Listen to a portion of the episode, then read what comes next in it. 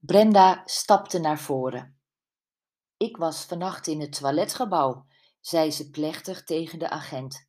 Ze zette haar handen in haar zij en tilde haar kin op. Het voelde alsof ze het belangrijkste nieuws van de dag uitsprak.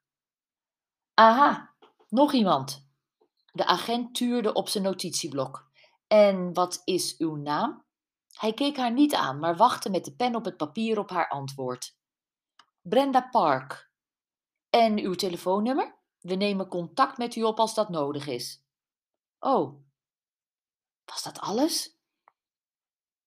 Kunt u mij zeggen of het een man of een vrouw is die vermoord is? Ik mis een paar vrienden en hun hond. Mevrouw? De agent keek nu op en tuurde in Brenda's ogen. Er is niemand vermoord. Iemand is overleden. Helaas gebeurt dat wel vaker op een vakantiepark. Wie, hoe en waar? Dat kan ik u niet zeggen. Hij maakte aanstalten om verder te lopen. Maar sluit u moord dus uit? Brenda klonk bijna teleurgesteld. De spanning die Jules en zij hadden opgebouwd vloeide in één keer weg. Ik sluit niets uit. Ook op vakantieparken worden moorden gepleegd. Hoezo? Heeft u concrete aanwijzingen voor een delict?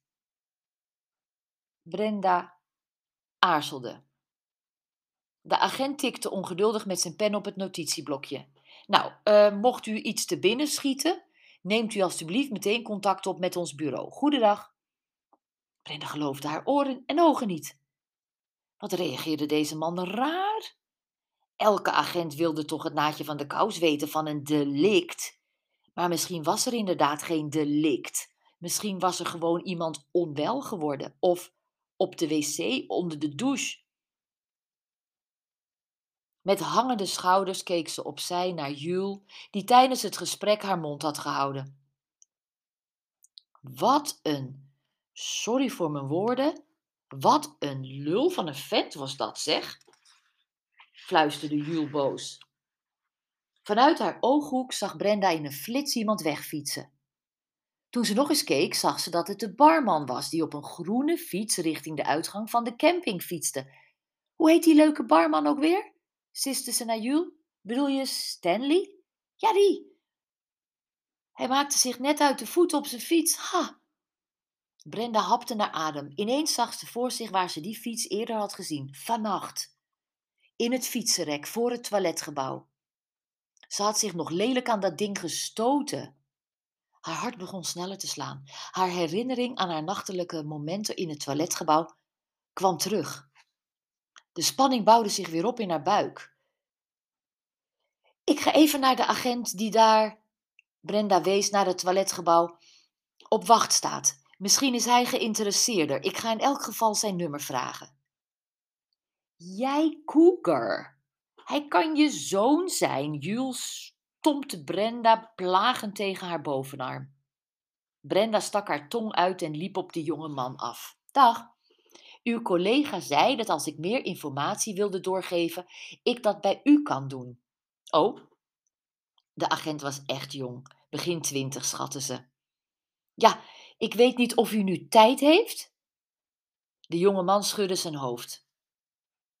Mag ik dan misschien uw telefoonnummer of uh, het telefoonnummer van uw bureau? Ik heb misschien nog wat toevoegingen. De agent keek haar enigszins hulpeloos aan, maar herstelde zich snel toen hij zich waarschijnlijk zijn rol realiseerde.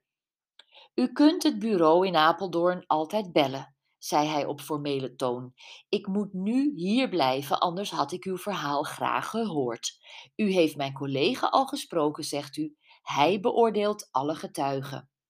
Ja, zuchtte Brenda. En hij zegt dat het geen moord is, maar ik denk dat er wel iets aan de hand is, omdat ik vannacht een hoop lawaai hoorde.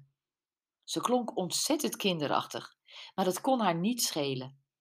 Ze keek of ze een reactie op het gezicht van de jongen zag. Ja, zijn ogen gingen glinsteren. Niets is uitgesloten, mevrouw. Er zijn aanwijzingen die wij nog niet hebben kunnen verklaren. Maar de schouwarts is nu bezig. Hij hield abrupt zijn mond toen zijn collega hun kant opkeek. Nogmaals, belt u alstublieft met het bureau. Dat kunt u zelfs nu al doen. Wij zijn maar met z'n tweeën en moeten ons werk nu hier afmaken. Het klonk bijna als een verontschuldiging en als een aanmoediging.